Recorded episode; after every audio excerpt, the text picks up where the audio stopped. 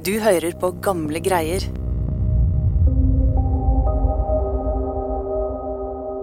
Uten konkrete bevis ble far og sønn Mikael og Ole Hetle dømt i 1907 for å ha drept naboen sin. Men de hevdet hele tiden at de var uskyldige. Motivet for handlingen skulle være strid om en utslåtte. Mikael hadde tapt saken, ble det sagt, og nå ville han etter bygdesnakket ha hevn. Det som utvilsomt felte de tiltalte, var de rettsmedisinske sakkyndiges konklusjon om at Henrik Hetle måtte være drept av andre ved vold. Etter sju år bak murene ble far og sønn benådet. De var nå frie menn, men fortsatt mordere i manges øyne. De begynte straks en desperat kamp for å renvaske seg. Noe som var vanskelig uten nye bevis. Men en dag dukket det plutselig opp nye, banebrytende opplysninger om den døde mannen. Og de fikk uventede hjelpere.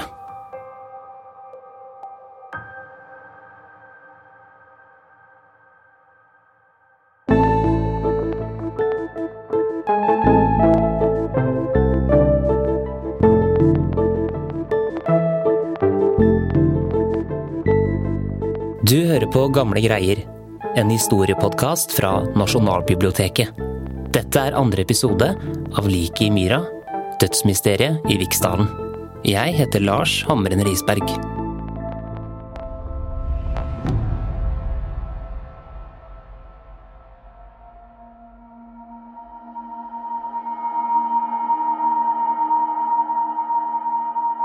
En dag mot slutten av 1920-tallet skulle saken som for mange i Norge fortsatt var et mysterium, få en ny vending. Chris Nyborg, lokalhistoriker på Nasjonalbiblioteket. Ole Hetle fikk nemlig en henvendelse som fikk ham til å spisse ørene. Ja, han fikk besøk av en tidligere kollega av den avdøde Henrik Hetle.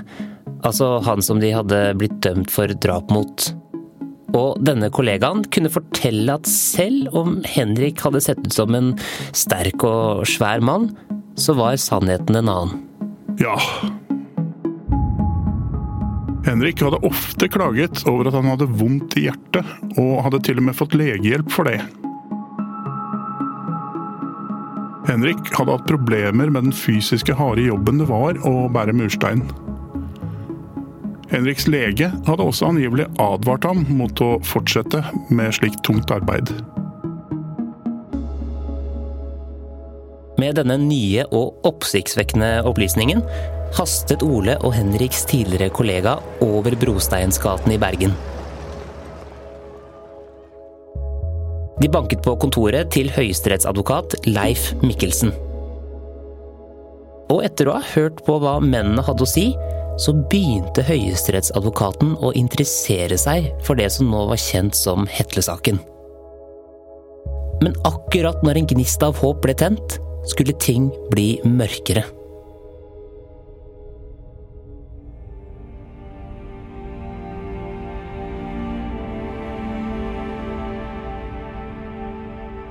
Våren 1930 ble Oles far Mikael alvorlig syk.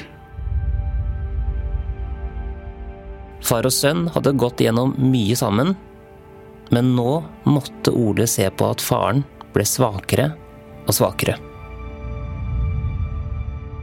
Kort tid før han døde, ønska han å lette hjertet overfor lensmannen og sognepresten. I tillegg skrev han en erklæring.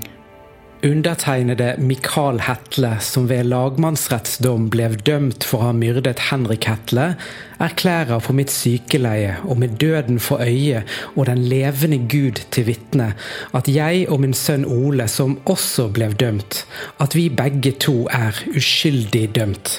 Jeg har ikke drept Henrik Hetle. Mikael døde 31. mai 1930. Nå hadde sønnen Ole mista sin nærmeste støttespiller. Han var alene om å kjempe mot myndighetene.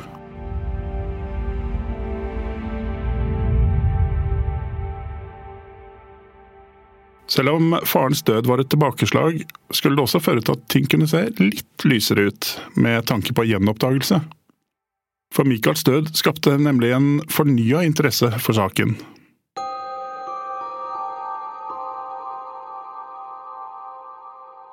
Det hadde gjort inntrykk på mange at Michael til og med på dødsleiet hadde insistert på sin uskyld.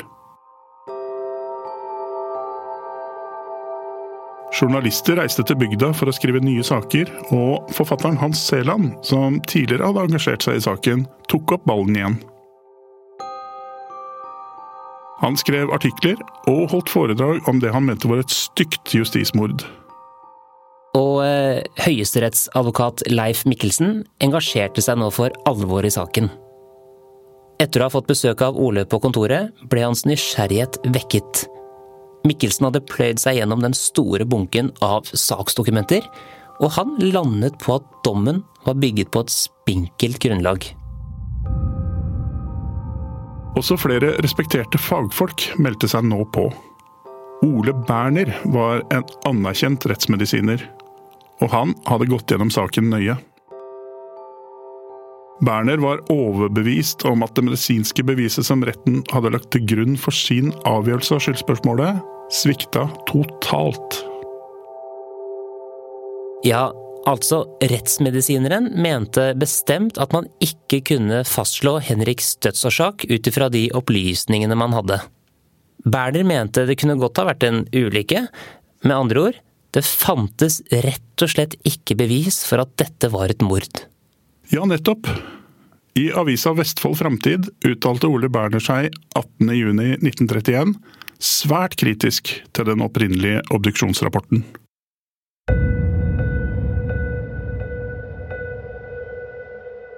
Det som har forferdet meg mest, er å se hvorledes Den rettsmedisinske kommisjon har kunnet bygge sin for de anklagede så ødeleggende uttalelse på den mangelfulle obduksjonserklæring.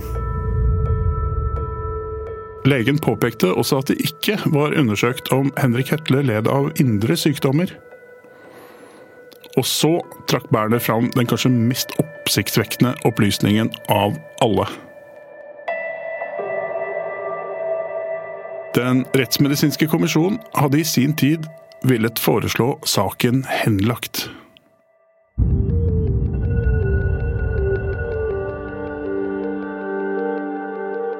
Men det hadde ikke påtalemyndigheten blitt oppmerksom på da tiltalen ble reist i 1907. Hm. Så nå begynte det virkelig å komme fram mange nye og interessante opplysninger. Og med på laget hadde Ole nå fått de ressurssterke hjelperne, høyesterettsadvokat Mikkelsen og rettsmedisiner Berner. Og til og med utenfor landets grenser vakte saken nå interesse. Ja, en svensk rettsmedisiner meldte seg på. Hans konklusjon var at det ikke var noen holdepunkter i teorien om at Henrik var blitt drept. Han mente Henrik hadde dødd av hjertestans. Med nye uttalelser fra respekterte fagfolk å slå i bordet med, kunne advokat Leif Mikkelsen i desember 1931 sende inn en ny søknad om gjenopptakelse av Hetle-saken. I søknaden gikk han gjennom vitneutsagnene, og hans konklusjon var at dommen var bygget på spinkelt grunnlag.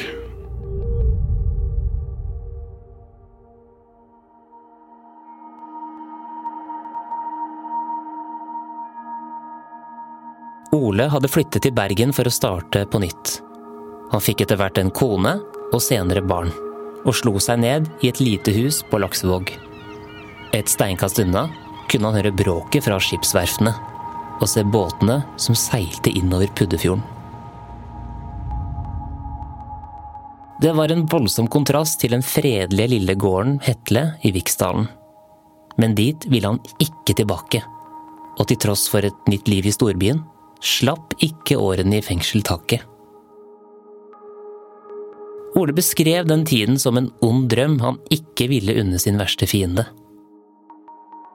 Riktignok var han en fri mann nå, men faktum var, i hjembygden var både han og hans døde far fortsatt mordere.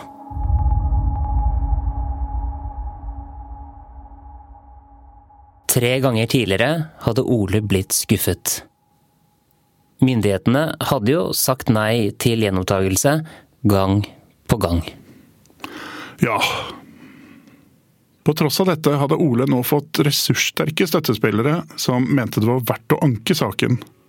Noe han gjorde.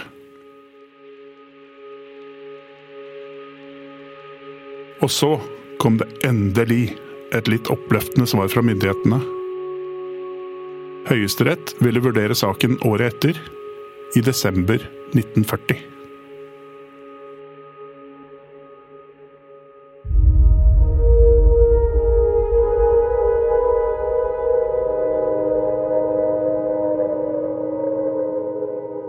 I natt har tyske krigsskip forsert Oslofjord festning under kamp med festningens batterier. Klokka 4.30 meldtes om heftig kamp mellom en del av krigsskipene og Oscarsborg.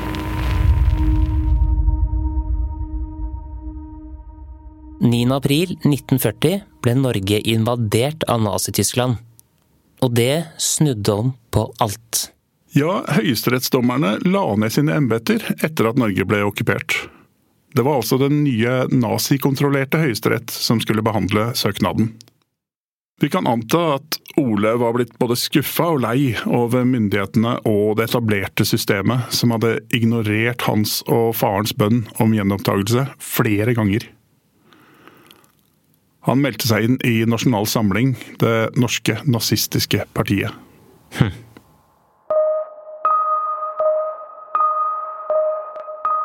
En dag i 1942, mens Norge var okkupert og verden var i krig, dukka det opp et lysglimt i mørket for Ole. Han hadde vært en ung mann på 19 år da han sammen med faren ble dømt for drapet på naboen i 1907. Nå hadde Ole blitt 54 år og fikk en nyhet som fikk ham til å stoppe opp.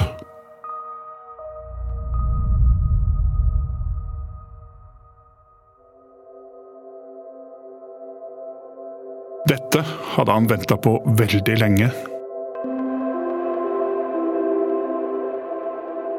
Det var grønt lys fra myndighetene. Saken skulle bli gjenopptatt. Han hadde klart det. Faren var død og fikk aldri oppleve dette. Og nå har vi ham her foran mikrofonen. Ole er 54 år nå og preget av den skjebne som har rammet ham.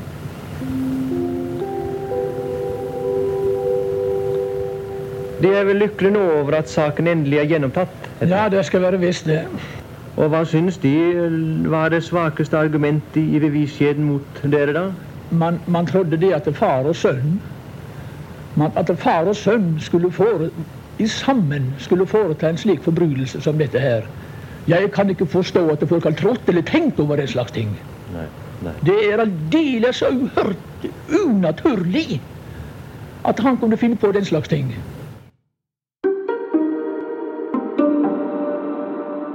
I april 1943 skulle det avgjøres.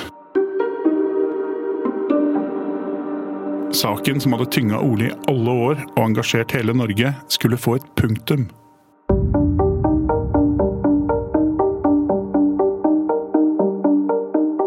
I Gulating lagmannsrett i Bergen var rettssalen igjen full av nysgjerrige tilskuere.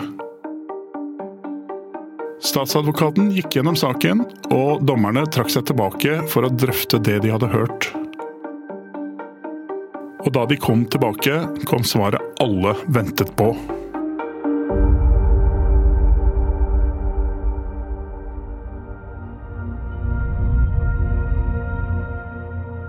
Både far og sønn var frifunnet for drapet på naboen Henrik Hetle. Og da var det gjort. Det var offisielt. Han hadde klart det. Bergens Tidende 12. april 1943. Hetle-saken. En skandale i vår rettshistorie.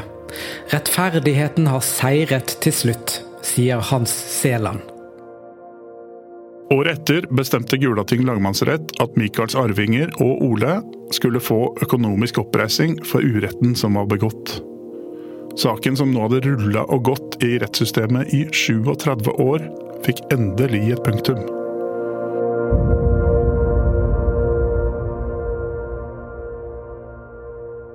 Men så enkelt var det ikke.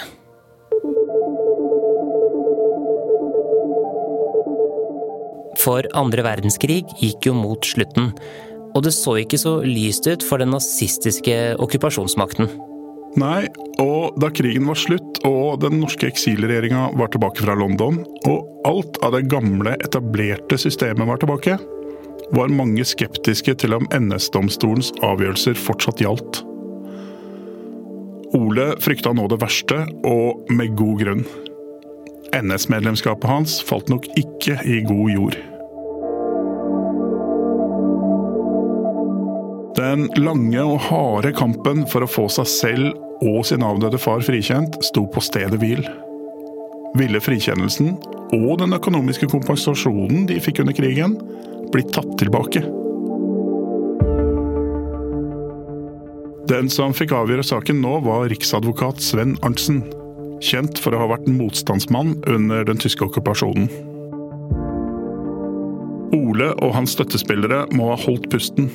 For hvordan ville en motstandsmann se på Oles NS-medlemskap? Og ville han respektere en avgjørelse tatt av en nazistisk domstol? Svaret som kom, overraska kanskje noen. Romsdal Folkeblad, 7.6.1947. Få kriminalsaker har skaket opp sinnet og vært omdiskutert som denne drapssaken fra Sunnfjord i 1907. Frifinnelsesdom ble avsagt i 1943 og blir stående.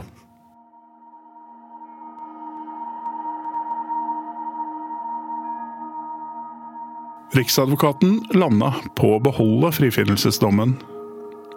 Høyesterett hadde mer enn nok å tenke på nå, med alle de store sakene om rettsoppgjør som måtte gjennom systemet.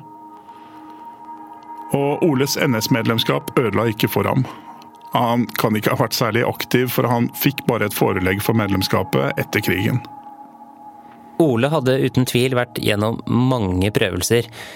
Men altså, far og sønn var nå frikjent. Ja, Ole hadde vært 19 år da han ble dømt for mordet på naboen Henrik. I hele 40 år hadde han hatt saken hengende over seg. Nå kunne han endelig, i en alder av nesten 60 år, gå med heva hode.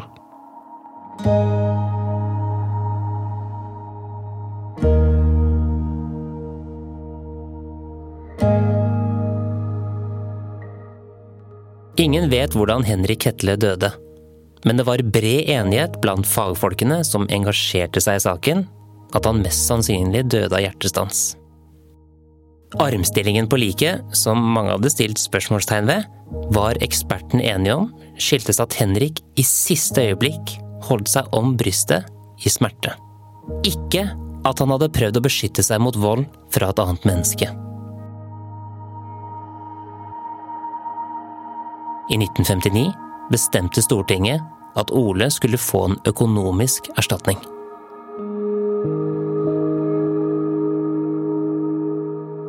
Ja, i dag kom det inn ei gledelig melding, Ole Hetle. Stortinget har hevet deg 50 000 kroner i skadebot og 5000 kroner året så lenge du lever. Dette var vel en gledelig dag? Ja, det, det, den, er så, den er så gledelig at det er nesten så at ikke man kan beskrive det, kan ikke tolke det engang, eller svare på det engang. Det så glad, man er så glad at man, man vet ikke hva man skal si til det engang.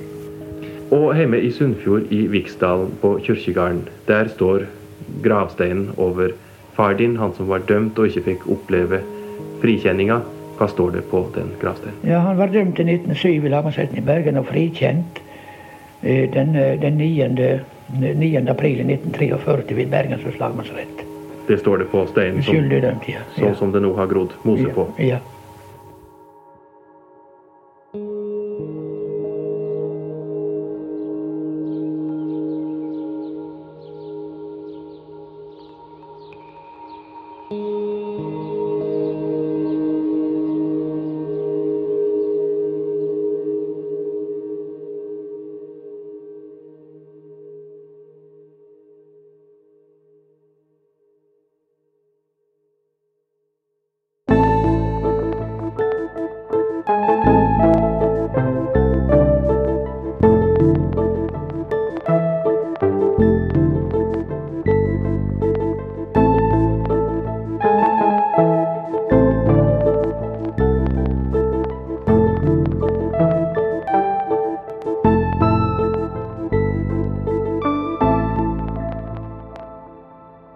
Du har hørt andre og siste episode av Lik i Mira, dødsmysteriet i Viksdalen.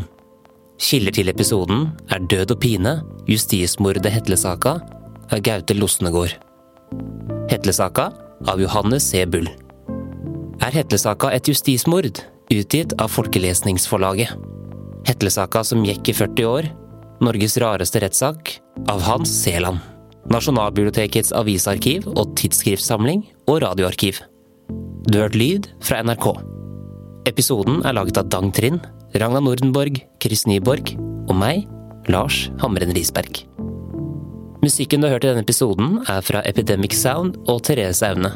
Du finner mer av Thereses musikk på thereseaune.com, eller der hvor du strømmer musikk til vanlig. Mitt navn er Lars Hamren Risberg. På gjenhør.